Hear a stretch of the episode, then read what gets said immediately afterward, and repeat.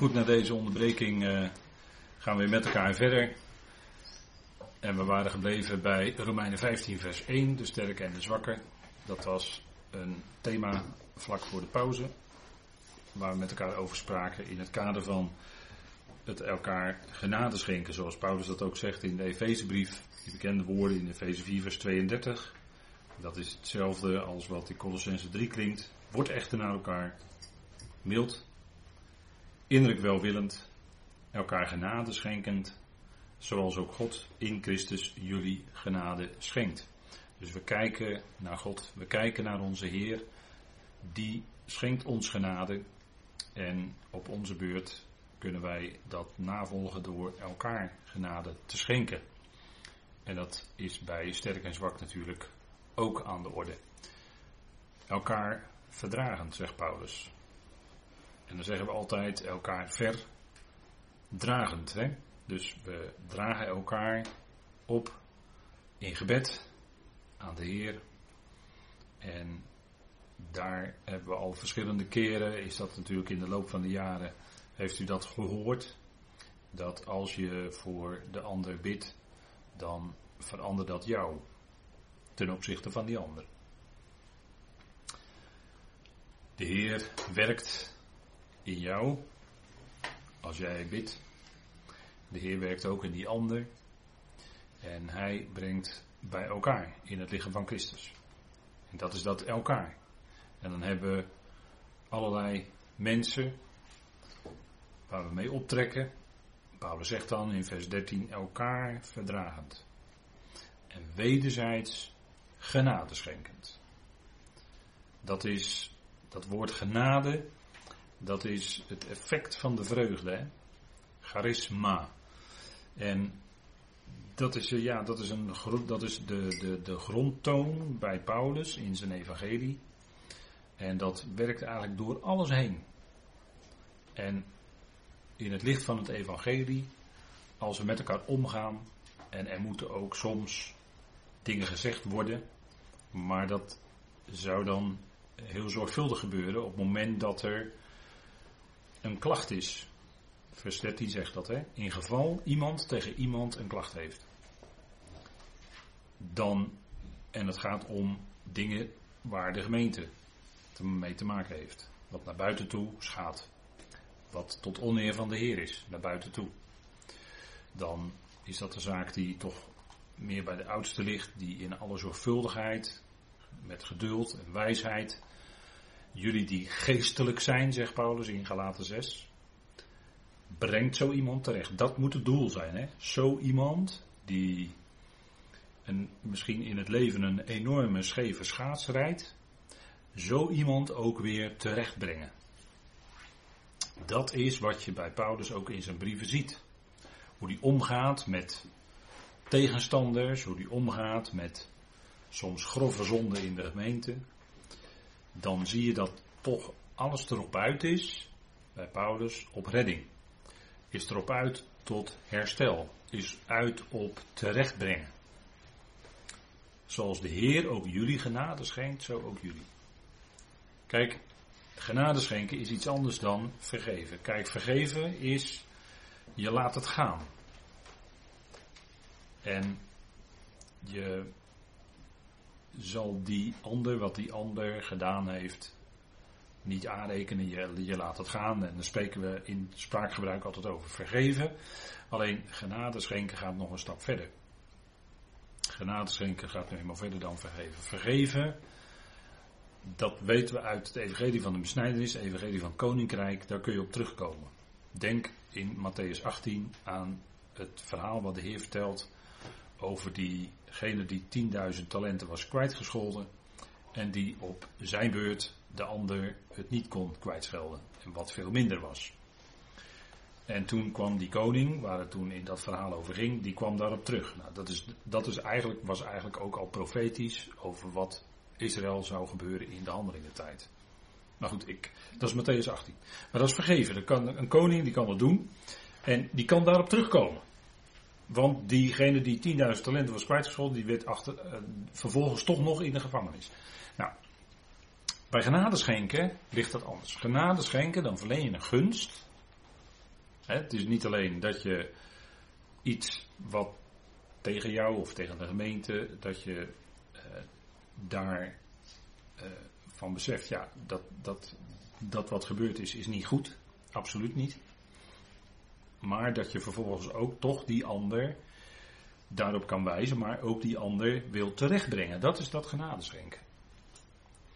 Een gunst verlenen.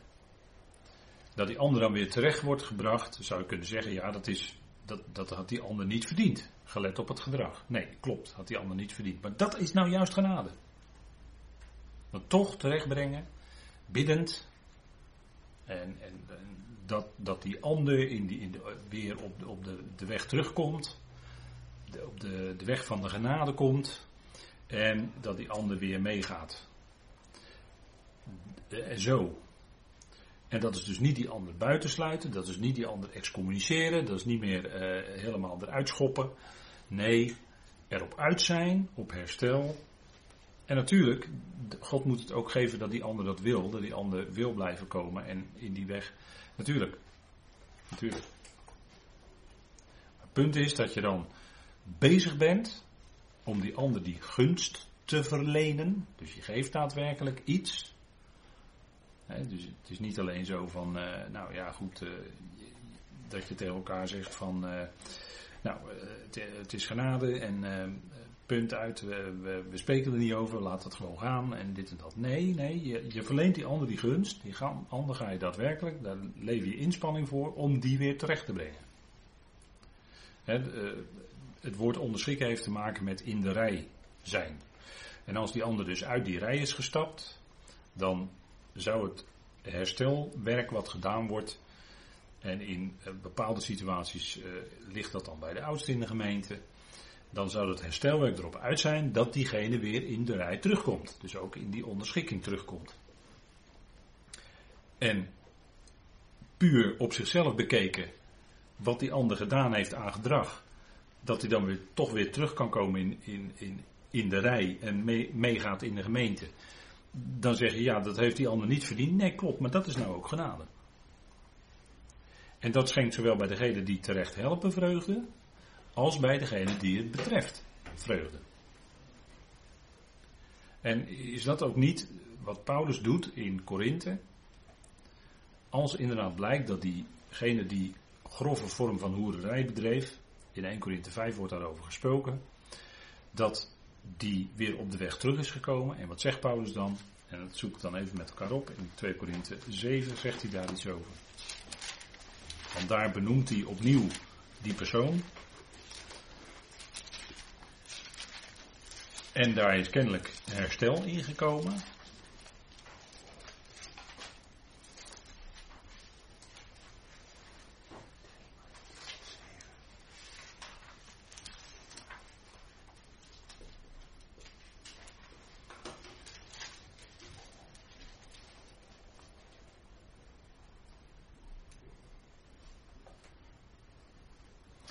dan lezen we even met elkaar in vers 12, 2 Korinthe 7, vers 12. Hoewel ik u dus geschreven heb, was het niet om hem die onrecht had gedaan, en ook niet om hem die onrecht was aangedaan, maar omdat onze inzet voor u openbaar zal worden bij jullie in de tegenwoordigheid van God.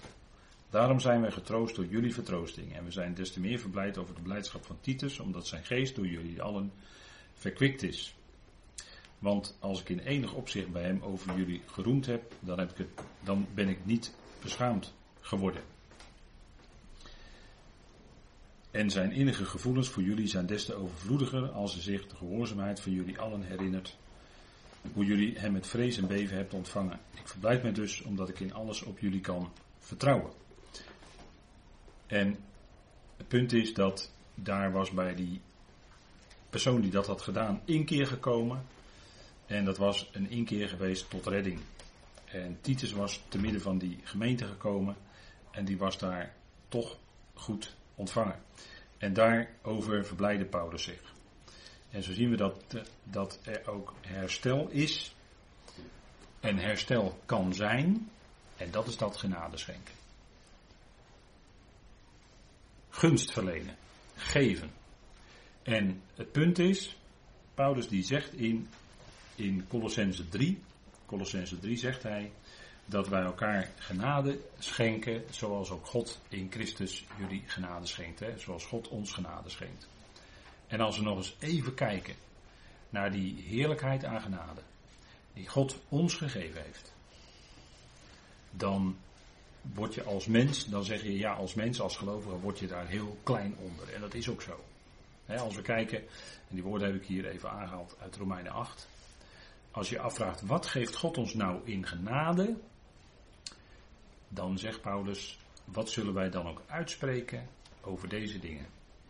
En deze dingen, die heeft hij net genoemd, u kent dat wel, die vijf stappen of die vijf gouden schakels in Gods keten. Het tevoren bestemd zijn, tevoren gekend zijn, geroepen, gerechtvaardigd, verheerlijkt. Dat is één en al genade wat we van God ontvangen. Niets lag bij ons, het lag alles bij God. En dan zegt Paulus, wat zullen wij dan ook uitspreken tot deze dingen? Als God voor ons is. Wie is dan tegen ons? Wie of wat zal dan tegen ons zijn? Zeker, hij die zijn eigen zoon niet ontzien, maar hem voor ons allen overgegeven heeft. Hoe zal hij ons ook niet zeker met hem alles in genade schenken? God heeft het grootste al gegeven, zijn eigen zoon. Dat is zo ontzettend veel. En als hij het grootste al heeft gegeven, dan is het toch logisch dat hij ons ook dan in het vervolg alles in genade zal schenken. Dat is zo groot, dat is zoveel, dat is zo rijk. Dat is zoveel, ja, hoe moet je dat zeggen? Dan ga je praten in edelstenen bijna om het te proberen te vergelijken. Maar ja, dat is zo onvoorstelbaar veel heerlijkheid wat we van hem ontvangen hebben. En wat ons wacht is natuurlijk de heerlijkheid die we ook aan de lijve zullen gaan ondervinden bij de bazuin. En daarna. Maar hij heeft ons zijn eigen zoon gegeven. Hij heeft zijn eigen zoon niet ontzien. Die heeft hij voor ons alle overgegeven. En, en uh, toen, toen we het erover hadden op zondag, hè, in die uh, spreekbeurt, toen heb ik u ook gezegd dat dit de enige keer is dat het woord overgegeven gebruikt wordt bij God en zijn eigen zoon. Dus dat is een heel kostbaar punt hier, hè, wat Paulus hier aanreikt. God die zijn eigen zoon niet ontzien heeft, maar hem, die geliefde zoon, voor ons allen overgegeven heeft. Ah, dat is, dat is enorm, dat is zoveel. En dan zegt Paulus, ja, dan, dan zal hij ook alles tezamen met hem in genade schenken. Dat is, dat is enorm. Is alle reden om je dagelijks over te verheugen. En het is goed om dat weer uit te spreken tegen elkaar, omdat je daaraan herinnerd moet worden. Hoe geweldig dat is, hoe heerlijk dat is. Daar word je weer dan weer opnieuw blij van in je hart. God geeft ons zo rijk en zoveel. En in dat perspectief, daar gaat het om, hè? In dat perspectief, dan kijken naar wat er gebeurt. En dan kan het zijn dat, dat medegelovigen een, een weg gaan waarvan je zegt van ja, dat is, dat is niet de bedoeling. Dat is niet de bedoeling. En dat is niet tot eer van God. Dat is niet tot eer van de Heer. En, en dan met alle wijsheid die ander genade schenken wil zeggen dat je die ander terecht brengt.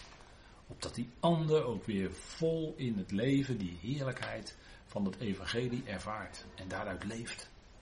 Daar gaat het om.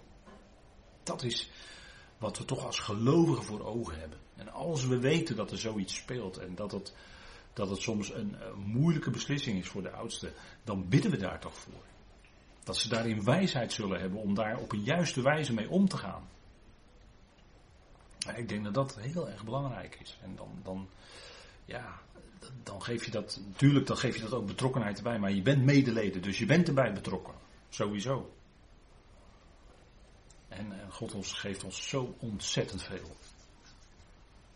En dan, ja, dan, dan kan het eigenlijk niet dat je, dat je de ander veroordeelt. Dat is onmogelijk. Want dit stukje in Romeinen spreekt er natuurlijk over. Hè, van, dan gaat natuurlijk verder in vers 33. Wie zal dan veroordelen? Niemand.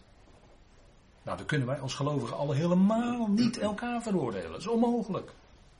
God doet het niet. Dan kunnen wij dat toch ook niet doen? Helemaal niet. daar, daar, begint Romeinen 8 nog mee in, in, in vers 1. Hè? Er is geen veroordeling voor hen die in Christus Jezus zijn. Dat geldt voor alle gelovigen. Nou, dan kunnen we niet in ons hoofd halen om de ander te veroordelen. dat is absoluut onmogelijk. Je kunt daar verdrietig over zijn. Je kunt daar als mens misschien verontwaardigd over zijn. Zeker, zeker. En nochtans is de weg in de eerste instantie om daarvoor te bidden. Hoe kan die ander die genade betoond worden? Zodat hij ook weer dat evangelie in het leven, die heerlijkheid ervan ervaart en dat uitleeft. Daar gaat het om, hè? Genade schenken. Kijk, Paulus vroeg dat ook voor zichzelf, zelfs aan die Corinthiërs. En dan zien we die enorme ootmoedige houding van de apostel Paulus, die tegen ons zegt, wees mijn navolgers. Ja, dat gaat niet om de persoon Paulus zelf op een voetstuk te zetten. Integendeel, integendeel. Nee, kijk dan met welke houding de apostel Paulus bezig was. Die ootmoedige houding, die gezindheid. En dat navolgen, daar gaat het natuurlijk om. En daarin, in die trant zegt hij, word of wees mijn navolgers. En hij volgt natuurlijk Christus Jezus na. Natuurlijk. Maar gaat het om die gezindheid. Hè? En die blijkt ook bijvoorbeeld uit woorden hier in 2 Korinthe 12, die ik hier op deze slide heb uitgeschreven. Want wat is het waarin jullie werden achtergesteld, zegt hij tegen de Corinthiërs, meer dan de overige uitgeroepen gemeentes? Tenzij dat ik zelf jullie niet tot last ben. Schenk mij genade voor deze onrechtvaardigheid. Dus hij vraagt aan die Corinthiërs om ook hem dan die gunst te bewijzen. En Paulus had er alles in het werk gesteld om niet tot last van die Corinthiërs te zijn. Zeker niet als het gaat om uh, ondersteuning of wat dan ook. Om in, in welk opzicht ondersteuning? Ja, gebed. Gebed. Tuurlijk.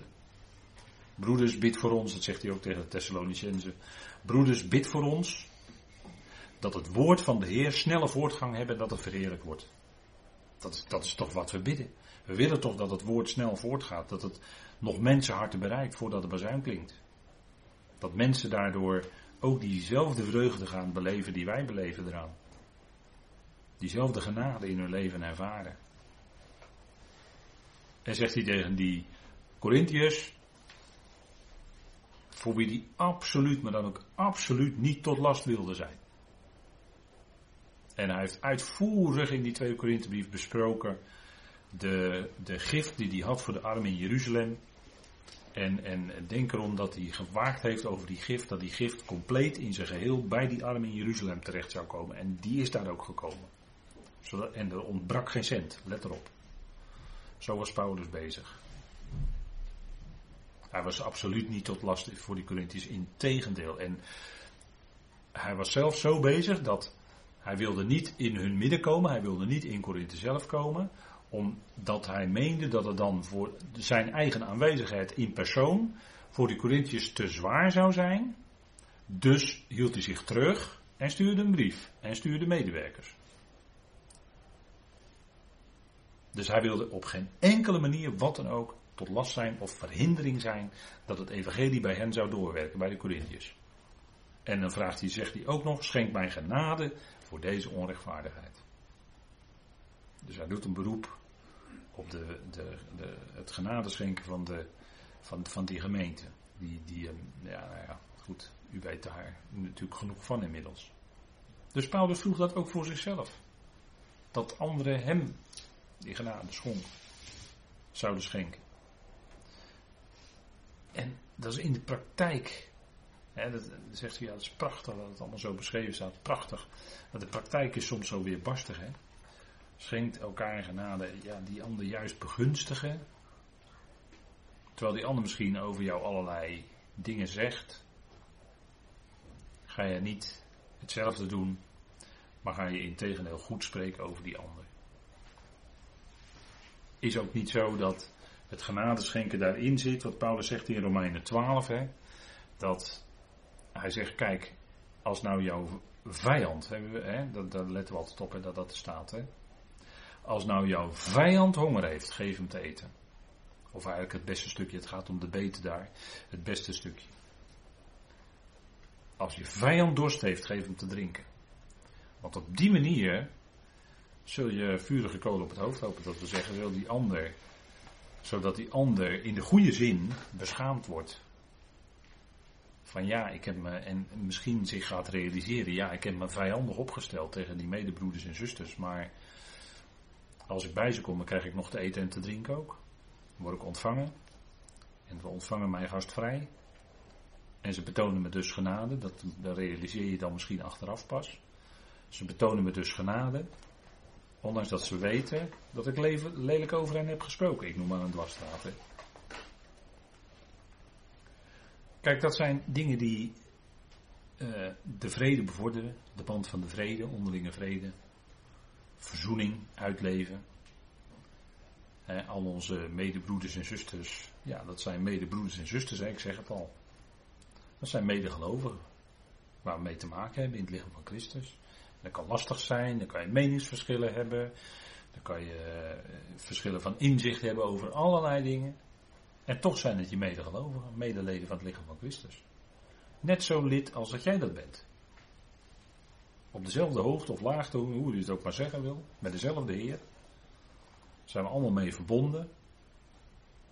Het gaat, gaat, om die eenheid en ja, de tegenwerker is er, is er, laat de zon niet ondergaan over je opwelling, weet u wel, Efeze 4. Laat de zon niet ondergaan over. Bespreken met hem. Anders moet je s'nachts misschien wel oplopen. Dat je het toch zo moeilijk hebt. Dat die anderen je dwars zitten. Dat het allemaal niet gaat zoals je graag wil dat het zou gaan. Dat het allemaal tegengewerkt wordt. Bespreek het met hem, bespreek het met vader. Dat is denk ik altijd de eerste weg. En dan merk je dat bij jezelf al iets van binnen gaat veranderen. Ten opzichte van. Ik denk dat dat toch dingen zijn die goed zijn om, om te beseffen. Hè. We leven natuurlijk best wel in een, in een tijd waarin we toch dingen zien gebeuren waarvan je zegt van hé, hey, het lijkt wel of er stapjes gezet worden uh, richting, ik zeg het voorzichtig en zo bedoel ik het ook echt, maar richting, hè, stapjes gezet worden in deze tijd, richting dat wat in openbaring beschreven staat. Daar gaan we naartoe. Het is voorzegd. Maar het boek Openbaring, als u het mij vraagt, moet nog in vervulling gaan. Dat is nog toekomst. En dat is een enkelvoudige vervulling. He, in het verleden. De profeten van Tenach. Die spraken profetieën uit en dat was gelaagd. die hadden soms meerdere. Er waren soms meerdere vervullingen van mogelijk. Maar uh, het boek Openbaring heeft een, een, een vervulling in de, in de nabije toekomst. En dat zijn allemaal uitlopers van profetieën. In die studies van openbaring hebben we dat ook gezien met elkaar. Hebben we ook gelezen in allerlei profetieën van Tenach. Maar daarin wordt, worden zaken beschreven die enkelvoudig, eenmalig in, dan in vervulling gaan. Hè. Ik, ik noem maar even het gericht over Babylon. Dat gaat in de toekomst, gaat dat gericht over die wereldstad, die dan de hoofdstad is van de wereld, van waaruit de wereldheerschappij uitgeoefend zal worden. Die wereldstad Babylon, die ligt daar in Irak en die zal verwoest worden. Dat gebeurt eenmaal en daarna komt Babylon nooit meer terug. Dat is bijvoorbeeld een van de dingen die voorzegd is in openbaring. En dat gaat nog gebeuren, dat is nog toekomst. Onder onze ogen in onze dagen wordt Babylon uitgebouwd. Dat gebeurt nu, terwijl ik dit zeg. En dat is gewoon vervulling van wat door de profeet is aangegeven. Kijk, Gods woord is niet zomaar een verzameling boeken en dat is toevallig bij elkaar terechtkomen. Nee, nee, nee, nee, nee. Daar kun je niet mee, daar kun je niet mee uh, marchanderen. Dat zijn heel nauwkeurig opgeschreven woorden. Die je ook niet licht kunt veranderen in de zin van. Je moet ze soms overzetten in een andere taal, maar dat moet je heel zorgvuldig doen. En daarom zijn we geweldig dankbaar voor het concordante methode. Want dat sluit zoveel mogelijk menselijke interpretatie uit. onlangs was daar, ik zeg dat omdat ik onlangs iets las over de nieuwe NBV-vertaling die uit gaat komen. Met, uh, ik meen, 12.000 correcties ten opzichte van de NBV-vertaling die met veel toeters en bellen in 2004 is uitgebracht. Maar daar werd gesproken over het begrip vlees in Romeinen 8. En de NBV-vertalers die meenden dan, en die hadden daar een aantal overwegingen voor, dat het, dat het woord vlees in Romeinen 8 moest niet altijd met vlees vertaald worden, hoewel er sarx staat in het Grieks. Maar dat moest je soms ook vertalen met aards. Dat was dan hun interpretatie en dat, vonden, dat achten zij dan beter. En zo'n punt is, dit punt is nou precies waar de concordante methode over gaat. In Romeinen 8 wordt het, wordt het woord vlees in beeldspraak gebruikt. Wordt, eh, wordt, wordt vaak in beeldspraak gebruikt, zeker. Maar de apostel Paulus was door de geest geïnspireerd om het woord vlees daar te schrijven. En dat zouden we dan ook in het Nederlands zo laten staan en vertalen dus met vlees. Want dat is wat er staat. En dat kun je dus niet zomaar veranderen vanuit jouw opvatting dat het dan aards moet zijn. Want aards is in het Grieks een ander woord. En dan protesteer ik. Het gaat om verschillende begrippen die we dan ook verschillend zouden vertalen in het Nederlands. Dan ben je eerlijk. Dus u ziet dat het in andere vertalingen gaat het mis. en soms wordt het door, uh, ja, jammer genoeg door uh, bijbelleraren of leraar in, bekend, groot in Nederland, soms wat met enig dédain gesproken over de concordante methode. Maar als ik dat dan hoor, dan denk ik van ja, maar je hebt niet bestudeerd wat, hoe de concordante methode werkt. En hoe dat uh, behandeld is door concordante vertalers. Dus dan kun je dat gewoon naast je neerleggen. Het gaat erom zoveel mogelijk, zo eerlijk mogelijk weergeven wat staat er nou in die oorspronkelijke tekst. Zo eerlijk mogelijk. En waar je afwijkt, geef je dat aan. En is later terug te vinden, dat staat er eigenlijk in het Grieks. Daar het om. En in het Hebreeuws. En dat is ontzettend belangrijk. Dat is ontzettend belangrijk. Want dit woord, wat we ook hier in 2 Korinthe 12 uh, hier vertalen met schenkt genade. In andere vertalingen wordt daar gezegd vergeef mij. Maar het punt is, er staat hier niet vergeven in 2 Korinthe 12 vers 13, maar er staat schenkt genade. Dat is het punt, want vergeving geven is een ander woord in het Grieks. Dat is een ander begrip met een andere geestelijke lading. En hoort ook bij een ander evangelie zelfs. Dus het is heel belangrijk wat je doet. En dat kun je niet zomaar doen. En dat is waar, waar we altijd voor willen opkomen is. Dat staat er geschreven. En het kan best zijn dat je soms met woorden moet afwijken, gelet op het Nederlands, dat kan, kan best. Maar dan altijd toch weer terug zeggen, dat staat er eigenlijk oorspronkelijk in het Grieks geschreven. Dan ben je eerlijk. Daar gaat het om. En dan heb je met zo'n vertaling volle, om dat woord maar eens even te gebruiken, transparantie. dan weet je, je kijkt er als het ware doorheen en je ziet die grondtekst. En daar gaat het om. God heeft het in het Grieks en in het Hebreeuws van die dagen willen onthullen wat hij wilde zeggen.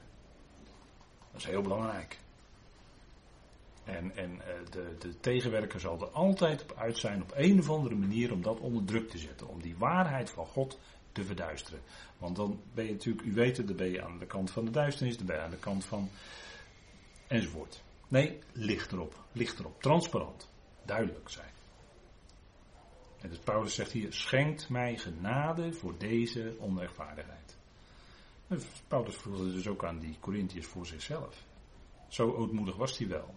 En ik denk dat dat voor ons een geweldig voorbeeld is. om dat zo uh, te kunnen zien. Kijk, en dan sluiten we af voor vanavond. Zoals de Heer jullie genade schenkt, zo ook jullie. En ga nou eens na bij jezelf. Elke dag schenkt de Heer jouw genade. Want er gaat geen dag voorbij. En je hebt wel een paar dingen gehad waar je, ja, had ik toch anders en was niet goed. Nee, was toch niet correct naar die toe, of was toch niet. En dan ga je naar de Heer toe en dan is de Heer toch die jou in genade aanziet. God ziet ons, toch, ons ook in Christus aan. En zo zouden we ook elkaar aanzien in Christus. Als een nieuwe schepping. Het is maar net, denk ik vaak, hoe je kijkt. En vaak kijken we op een bepaalde manier, toch vaak nog met menselijke ogen. Maar het is de bedoeling dat, dat het van binnen bij ons allemaal aangescherpt wordt en geslepen wordt, zodat we steeds meer met geestelijke ogen naar die ander gaan kijken. Die ander aanzien in Christus. Net zo geliefd als dat je dat zelf bent. En ik denk dat dat eh, wezenlijke dingen zijn. Zoals de Heer jullie genade schenkt, zo ook jullie onderling. Goed, zullen we daarmee afsluiten en dan de Heer daarvoor danken met elkaar. Vader, dank u wel dat u ons zet in die genade, in die rijkdom, in die heerlijkheid. Dat is de boventoon, de grondtoon in het evangelie zoals Paulus dat mocht brengen. Vader, we danken u dat we met elkaar ons mogen verheugen over dat watgene wat u geeft en dat is ontzaglijk veel. U heeft uw eigen zoon niet gespaard. Vader, dank u wel daarvoor. Dank u wel dat u dat in hem voor het vele wat u in hem en met hem geeft. En gegeven heeft en nog zult geven. Vader, dank u wel. Dat die woorden van u betrouwbaar zijn. Dat die woorden van u ook doorwerken. En we bidden u, Vader, dat deze woorden ook mogen doorwerken in onze onderlinge contacten met elkaar. Dat we daadwerkelijk elkaar in de praktijk genade schenken, begunstigen als waar, waar het nodig is er voor elkaar zijn. Elkaar helpen waar nodig. En, en alles wat met die genade te maken heeft. Vader, dank u wel dat we zo ook vanavond daarbij stil konden staan. Een belangrijk vers in dat derde hoofdstuk van Colossense. Een wezenlijk punt. Vader, en doe ons daarover nadenken en bidden zodat we dat ook in de praktijk op de juiste wijze kunnen toepassen. U wel dat we, Vader, als gelovigen graag willen groeien tot geestelijke mensen.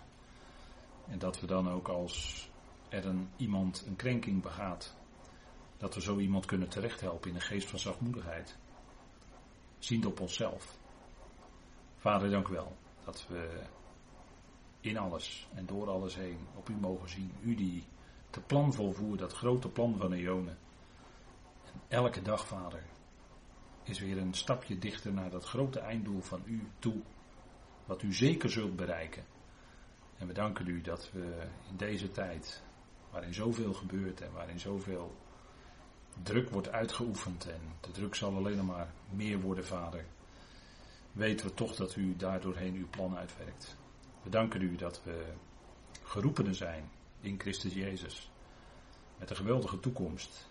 En we danken u dat we die ander mogen kennen, erkennen als medelid van het lichaam van Christus. U geeft dat, Vader. We danken u daarvoor. Vader, wilt u zo verder doorwerken in ons hart en leven. En we bidden ook voor hen die het moeilijk hebben, die op dit moment te maken hebben met ziekte en ouderdom. Wees zijn genadig nabij. Vader, u kent de omstandigheden, u weet wat nodig is daarin. En dank u wel dat u sterkt, bemoedigt en ondersteunt. We danken u daarvoor. We danken u dat u alles vast en zeker volvoert naar uw plannen. Wees ook met uw volk Israël en ook in deze tijd staan zij onder druk. Er gebeurt veel. Een nieuwe regering misschien. Vader, ook dat heeft u in uw hand. We danken u dat u ook hen terecht zult brengen. We danken u daarvoor, voor alles. In de naam van uw geliefde Zoon, onze Heer Christus Jezus. Amen.